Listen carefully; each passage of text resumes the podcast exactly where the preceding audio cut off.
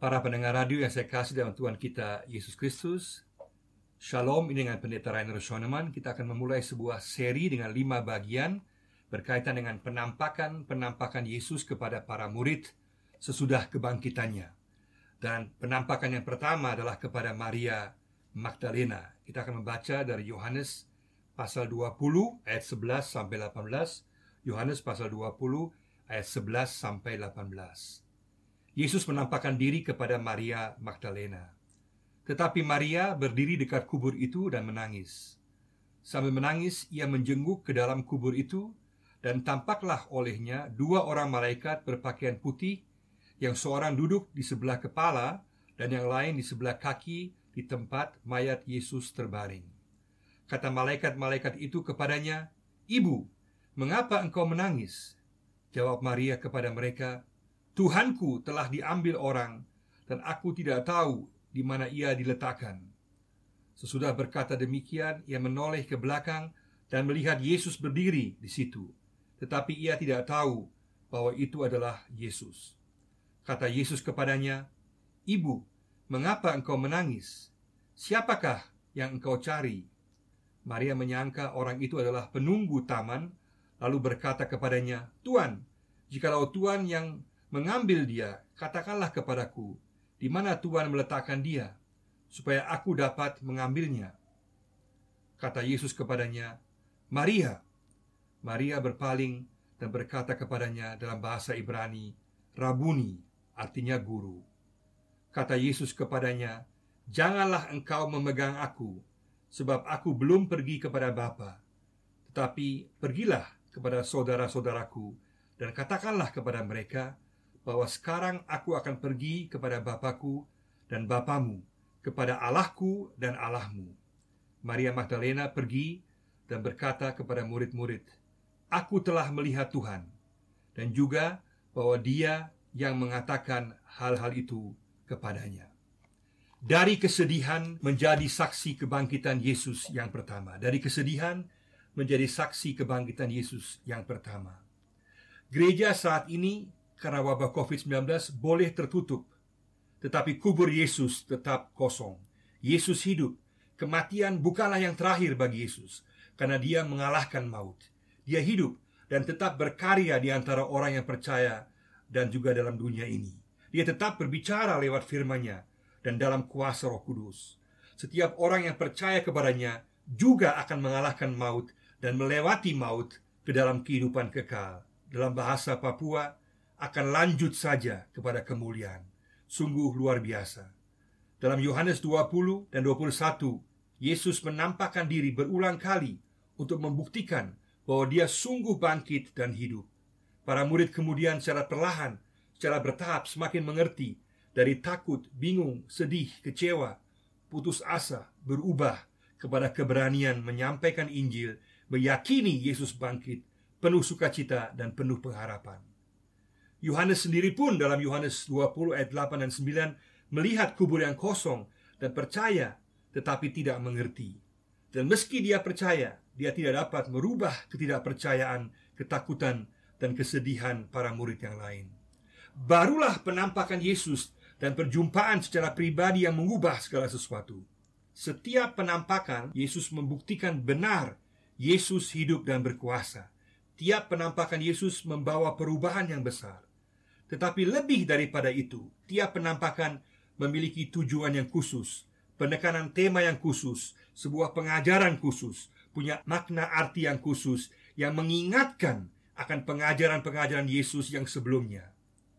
Sekaligus bersifat sangat penting untuk gereja sepanjang zaman, untuk kita di masa kini, untuk setiap orang percaya yang tidak akan melihat Yesus lagi secara badaniah, secara jasmani, di mana hubungan dengan Yesus saat ini bersifat rohaniah dan melalui Roh Kudus. Dalam lima bagian berturut-turut kita akan melihat makna arti tiap penampakan diri Yesus bagi para murid dan bagi kita di masa kini. Dalam bagian ini adalah penampakan Yesus kepada Maria Magdalena. Dari kesedihan menjadi saksi kebangkitan Yesus yang pertama. Mengapa fokus di sini adalah hanya kepada Maria Magdalena saja? Dalam gaya penulisan sejarah Yunani pada waktu itu adalah sah-sah saja untuk memberikan fokus kepada satu pribadi sebagai peran utama. Ini banyak dilakukan dalam literatur Yunani. Jadi meskipun ada beberapa wanita yang melihat Yesus, namun di sini Yohanes memberikan fokus kepada penampakan perjumpaan Yesus secara khusus kepada Maria Magdalena. Meskipun yang lainnya juga ada, tetapi Yohanes secara khusus mengarahkan seluruh perhatian kepada Maria Magdalena. Interest Yohanes dalam Injil yang ditulisnya adalah kepada perjumpaan pribadi Yesus dengan berbagai orang dengan berbagai latar belakang.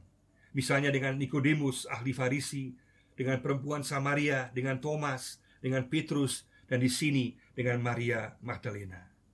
Maria Magdalena adalah pribadi pertama yang bertemu dengan Yesus yang bangkit dan hidup.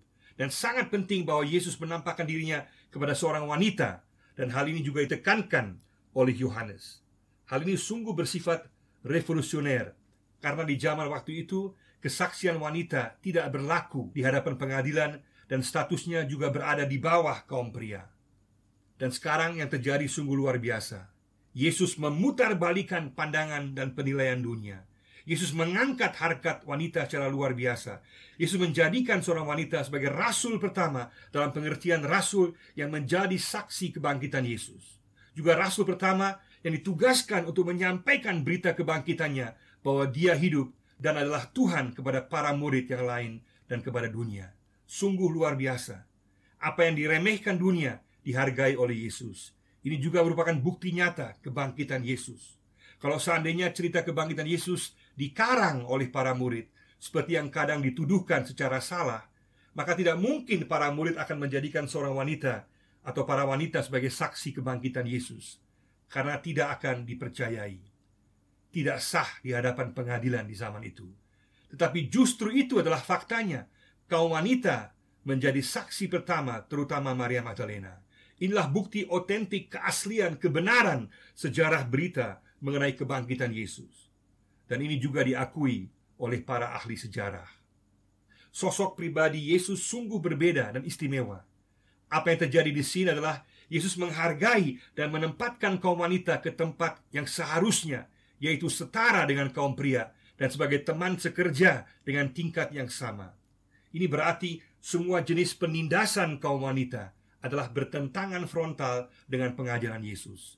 Sebagai pengikut Yesus, seseorang dengan alasan apa pun tidak boleh merendahkan, melecehkan, menindas, atau menghalangi kaum wanita untuk berkarya dan memiliki pendidikan yang setara dengan kaum pria. Semua jenis penindasan wanita adalah bersifat menentang pengajaran Kristus. Tetapi sayangnya, dalam dunia dan juga dalam gereja pun ini masih terjadi. Kalau ini kita lakukan, kita bukan pengikut Yesus. Karena pengikut Yesus yang benar menghargai, menempatkan harkat martabat wanita pada tempat yang sepantasnya dan menekankan kesetaraan kaum wanita. Jangan pernah lupa bahwa kaum wanita dan secara khusus Maria Magdalena adalah rasul yang pertama akan kebangkitan Yesus. Yang pertama melihat Yesus, mendengar Yesus, dan berbicara dengan Yesus yang bangkit. Kita baru saja memperingati Hari Kartini, dan perjuangannya yang luar biasa bagi hak dan kesetaraan wanita dalam pendidikan di Indonesia. Habis gelap, terbitlah terang. Kita harus angkat jempol dan salut dan memberikan tepuk tangan penghargaan untuk semua Kartini di sepanjang zaman yang memperjuangkan hak-hak kaum wanita. Di sini, Maria Magdalena adalah figur kunci dalam kekristenan mula-mula. Dia menjadi rasul yang pertama. Motonya, Habis kematian ada kebangkitan Habis buta karena kesedihan ada sukacita Habis putus asa ada harapan Tetapi siapakah pribadi Maria Magdalena itu? Tentangnya tidak banyak diceritakan sebelumnya Tetapi ada beberapa hal penting yang dapat kita ketahui Yang pertama Maria Magdalena atau lebih tepatnya Maria dari Magdala Adalah seorang wanita biasa dari kampung Tetapi meskipun dari kampung Dia kemudian memiliki peran yang istimewa yang kedua, Maria Magdalena dibebaskan dari keterikatan kuasa kegelapan iblis yang sungguh parah oleh Yesus. Tujuh setan, artinya angka tujuh adalah angka kesempurnaan. Artinya dia sungguh terikat luar biasa oleh kuasa setan dan kemudian dibebaskan oleh Yesus. Dia mengalami kuasa Yesus secara pribadi. Ketiga, dia memiliki kesetiaan yang luar biasa. Sungguh mengasihi Yesus, selalu bersama Yesus, mengikutinya bersama para murid yang lainnya. Dalam Lukas 8 ayat 2 sampai 3 dikatakan bahwa dia bersama dengan para wanita lainnya mendukung pelayanan Yesus dengan harta pribadi mereka. Semua karena rasa syukurnya kepada Yesus. Dia kemudian diberikan hak istimewa untuk berjumpa dengan Yesus. Yang keempat, dia sungguh belajar dari Yesus dan mengenal suara Yesus. Terbukti saat disapa oleh Yesus, dia mengenal suara Yesus. Tuhan Yesus senang memakai orang-orang yang kelihatannya lemah, statusnya rendah, bahkan memiliki masa lalu yang kelam dengan keterikatan kuasa kegelapan dan apa pun bentuk dosanya untuk menunjukkan kuasanya kepada dunia. Maria Magdalena dipakainya. Setiap wanita dapat dan akan dipakai oleh Tuhan dan para pria juga. Untuk setiap kita, apa pun latar belakang kita, ada harapan untuk dipakai oleh Yesus. Sungguh luar biasa. Maukah kita? Ada lima hal sesuai dengan alur teks ini dalam peristiwa penampakan Yesus ini yang merubah kesedihan Maria menjadi saksi kebangkitan Yesus yang pertama. Yang pertama adalah kesedihan yang membutakan mata jasmani dan rohani. Kesedihan yang membutakan mata jasmani dan rohani ayat 11 sampai 13. Peristiwa Paskah dimulai dalam suasana kegelapan dan kesedihan yang mendalam. Maria Magdalena ingin menunjukkan penghormatan dan kasihnya yang terakhir dengan merawat jasad Yesus dengan rempah-rempah. Namun dia kemudian menangis dalam kesedihan yang mendalam. Dia sungguh kehilangan Yesus dan sekarang dia mengira jasad Yesus diambil orang sehingga dia semakin sedih. Dua kali Maria mengatakan mereka telah mengambilnya. Penjelasan yang manusiawi sekali. Maria sama sekali tidak memperhitungkan kebangkitan Yesus. Tidak ada bayangan dalam benaknya bahwa Yesus telah bangkit. Padahal dia begitu setia mengikut dan mendengar pengajaran Yesus. Dalam pikirannya, tidak mungkin Yesus bangkit. Dua kali dia bertanya, "Di mana mereka menaruh jasadnya?" atau "Di mana engkau menaruh jasadnya?" kepada penjaga taman itu.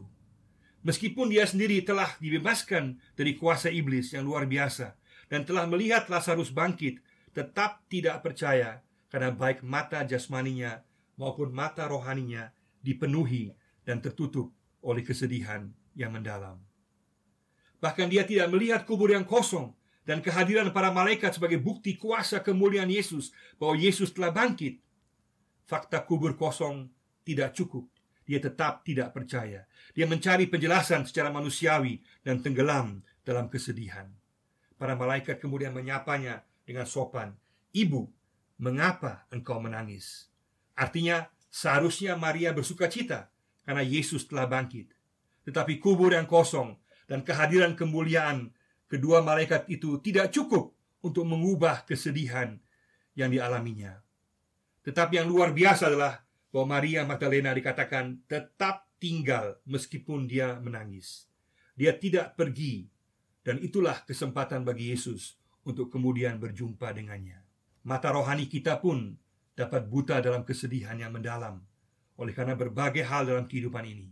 Kesedihan dan kekecewaan karena berbagai kejahatan dan peristiwa dalam kehidupan secara pribadi atau dunia secara keseluruhan. Kesedihan karena ditinggal orang-orang yang kita kasihi. Semua itu Yesus mengerti dan dia peduli.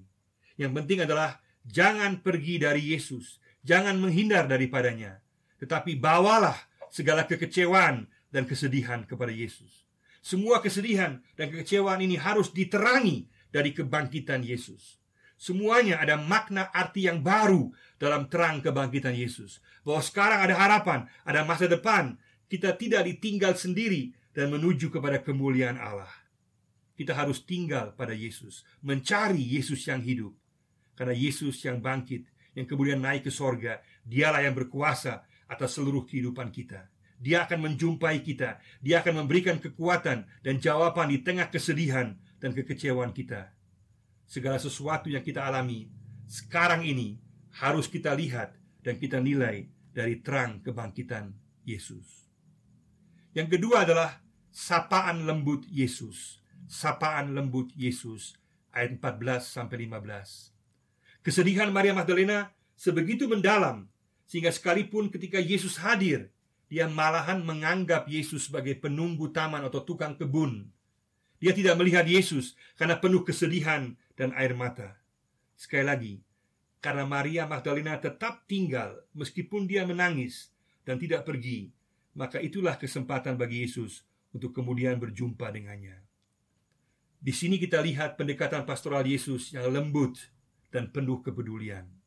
Yesus tidak mempersalahkan, tetapi bertanya dan kemudian memberikan jalan keluar. Yesus tidak tersinggung dianggap penunggu taman atau tukang kebun. Itulah Yesus gembala sejati, pelayan pastoral sejati yang tidak ada duanya.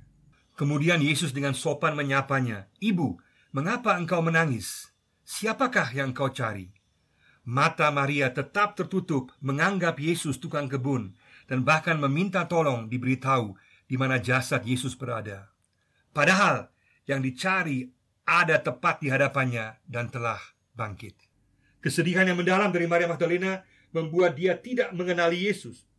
Yesus mengerti dan peduli akan kesedihan. Dia pun juga menangisi Lazarus dan kota Yerusalem. Kita pun boleh menangis, tetapi jangan sampai kesedihan kita menutup mata kita untuk memandang kepada Yesus sebagai sumber kekuatan dan penghiburan. Cara Yesus ini adalah contoh, adalah teladan untuk semua orang percaya dalam pelayanan pastoral. Apakah orang lain merasakan kepedulian kita yang asli dan bukan dibuat-buat, yang hanya seolah-olah peduli? Apakah kita sungguh-sungguh peduli? Apakah kita lembut bertanya dan sungguh berusaha mengerti keadaan orang dengan tidak menghakimi dan juga tidak tersinggung? Apabila kita sebegitu tenggelam dalam kesedihan dan kekecewaan kita, sehingga akhirnya hanya melihat kepada diri kita saja, maka itu akan semakin memperparah kesedihan kita. Kita harus mengangkat kepala kita, memandang dan fokus kepada Yesus yang bangkit, barulah akan terjadi perubahan. Dalam tangisanmu, tetaplah memandang kepada Yesus. Itulah yang akan membawa perubahan, penghiburan, kekuatan, dan pengharapan. Selama kita mengitari diri sendiri dan tidak melihat kepada Yesus yang bangkit, dan tidak menilai segala sesuatu dari fakta kebangkitan Yesus, maka kita tidak pernah akan keluar dari situasi kesedihan dan kekecewaan kita. Berikanlah Yesus kesempatan dengan membawa kesedihanmu padanya, dengan memperhitungkan kuasa kebangkitan yang membawa sukacita, penghiburan, kepastian, penyertaan Tuhan, dan masa depan yang penuh harapan. Berikanlah kesempatan pada Yesus dan kuasa kebangkitannya. Datanglah berserulah kepadanya dan dia akan bertindak melebihi apa yang kita pikirkan dan bayangkan. Damainya, sukacitanya, pengharapannya akan menaungi kita. Yang ketiga adalah kepekaan mendengar suara Yesus membawa perubahan. Kepekaan mendengar suara Yesus membawa perubahan ayat 16. Yesus tetap sabar terhadap Maria Magdalena, tetapi karena Maria belum mengerti, kemudian Yesus menyebut namanya. Hanya dengan satu kata, Maria, satu kata yang merubah segala sesuatu. Artinya sangat dalam. Aku tahu namamu, aku sungguh kenal situasimu, aku peduli terhadap keadaanmu. Yesus mengatakan dalam Yohanes 10 ayat 4 dan 14, Dombaku mengenal suaraku. Adalah penting untuk peka mendengar dan mengenali suara Yesus. Karena Maria lama bersama Yesus, maka dia mengenal suara Yesus dan mentaatinya dalam kehidupan sehari-hari. Suara Yesus yang menerimanya, mengasihinya, menghargainya, dan yang memulihkannya.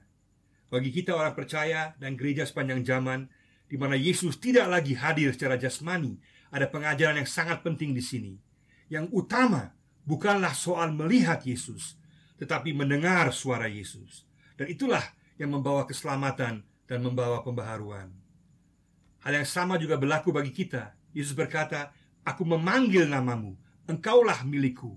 Yesus sungguh mengenal kita dan memelihara kita sungguh luar biasa. Dalam Yesaya 43 ayat 1 dan ayat 4 dikatakan, Janganlah takut, aku telah mendebus engkau, aku telah memanggil engkau dengan namamu, engkau ini kepunyaanku, engkau berharga di mataku, dan mulia, dan aku mengasihi engkau. Kalau kita membaca firman Tuhan, dan berdoa dan taat, maka kita akan menjadi peka terhadap suara Yesus, dan bisa membedakan suara Yesus, kehendak Yesus, tujuan Yesus, dari suara-suara yang lain. Dapat mendengar saat Yesus memanggil nama kita secara pribadi. Satu sapaan Yesus yang memanggil nama kita dapat merubah kita. Apakah kita peka mendengarnya? Saya pikir luar biasa Maria Magdalena sebagai seorang wanita mempunyai kepekaan untuk mendengar Di sini juga terlihat humor Yesus. Kalau pria harus dipanggil dua kali, misalnya Saulus Saulus dalam Kisah Rasul 9 ayat 4. Kalau wanita cukup satu kali karena lebih peka mendengar. Awalnya Maria Magdalena mengenali suara Yesus sebagai guru, rabuni, sebagaimana yang dia kenal selama itu.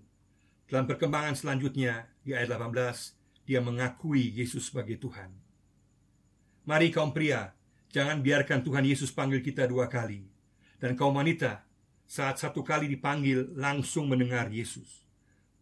Yesus menyapa kita dengan apa yang kita kenal, apa yang kita ketahui tentang dirinya untuk membawa kita kembali kepadanya. Bisa merupakan sebuah ayat firman Tuhan yang tiba-tiba kita ingat. Bisa sebuah peristiwa yang kita ingat dalam hidup kita di mana kita rasakan kehadiran Yesus. Yang penting, jawablah sapaan lembut Yesus Terimalah Yesus, kasihnya, kepeduliannya, sukacitanya, damainya, keselamatannya. Kita harus menerimanya, maka akan terjadi perubahan.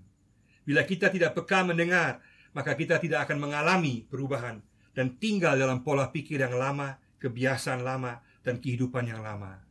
Katakan Tuhan Yesus, aku mau menjadi peka untuk mendengar dan menjawab sapaan lembutmu yang memanggilku untuk datang kepadamu, untuk diperbarui oleh kuasa kebangkitanmu. Yang keempat, penjelasan Yesus mengenai dirinya dan penugasannya ayat 17. Penjelasan Yesus mengenai dirinya dan penugasannya.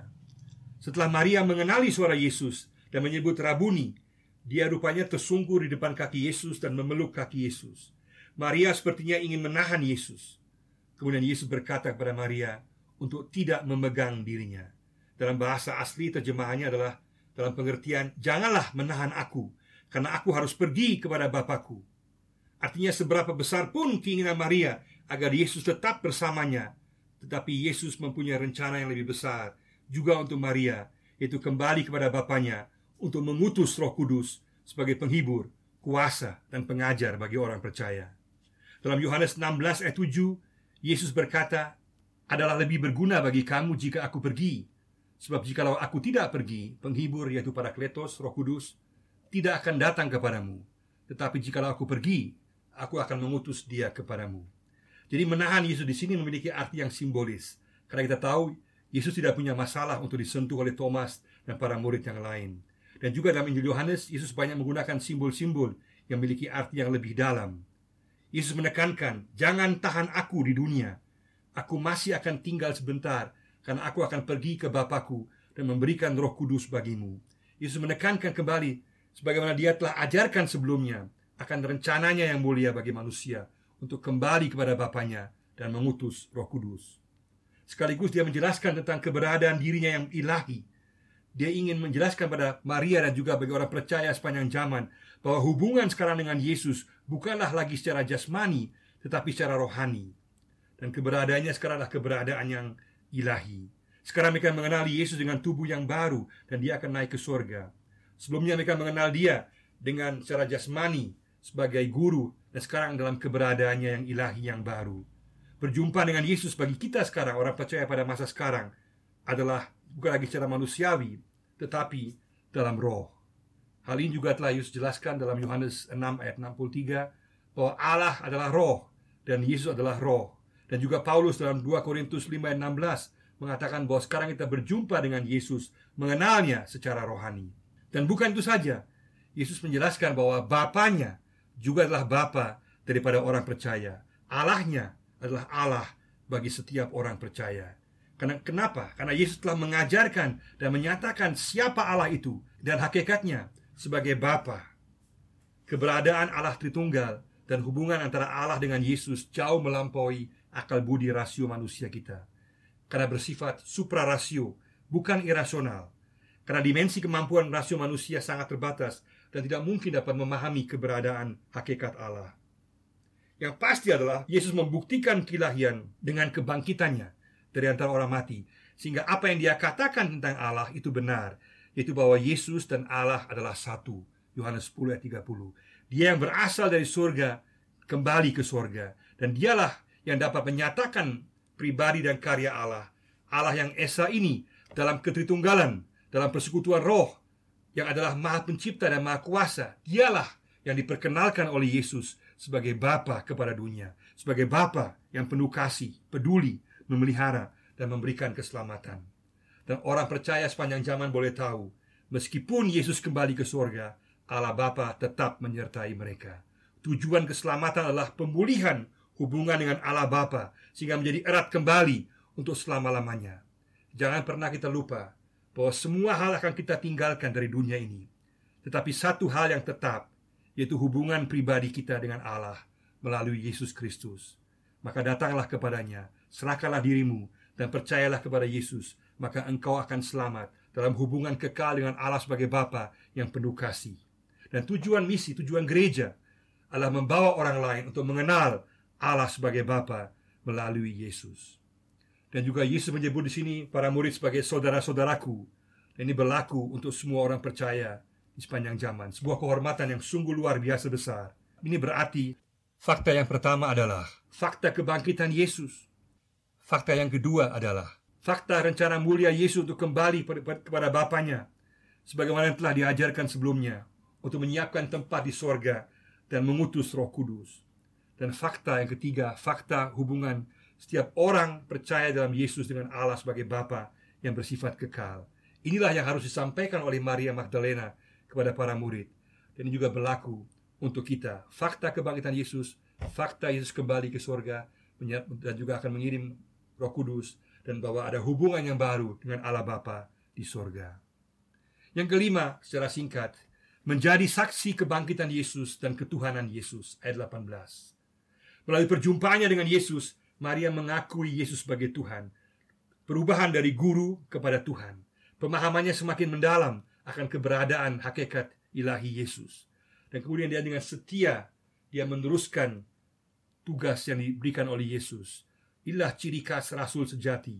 Rasul mengatakan apa yang diperintahkan dan tugaskan oleh Tuhan dan Maria melakukan sesuai dengan perintah Yesus, menyampaikan Yesus telah bangkit dan menyampaikan perkataan Yesus akan keberadaan ilahinya yang baru, akan rencananya kembali ke sorga untuk mengutus Roh Kudus bagi semua orang percaya, akan hubungan istimewa yang dimiliki setiap orang percaya dengan Allah Bapa yang berlaku kekal. Yesus tetap sama dulu, sekarang, dan selamanya. Saat kita sungguh mencari Yesus yang hidup dengan jujur, dengan sungguh mau mendengar sapaan suaranya, maka kita akan berjumpa dengannya dan kita akan diperbarui. Yang datang kepadanya tidak akan ditolak. Apakah kita setia menyampaikan Injil kebangkitannya? Bahwa Allah adalah Allah Bapa kita yang Maha Kuasa, yang penuh kasih, penuh dengan penerimaan. Kita boleh memiliki hubungan yang baru dengan Allah sebagai Bapa. Terimalah dia, serahkanlah dirimu padanya, dan hiduplah dengannya. Pandanglah kepada dia di tengah kesedihanmu. Jangan pergi dari Yesus. Dia akan membawa perubahan. Terimalah sapaan Yesus yang bermaksud baik dan mau menolongmu. Jadilah peka terhadap suara Yesus dalam segala situasi kehidupanmu. Dengarlah panggilannya akan namamu. Terimalah pemberian Roh Kudus dan masuklah ke dalam hubungan istimewa dengan Allah sebagai Bapa.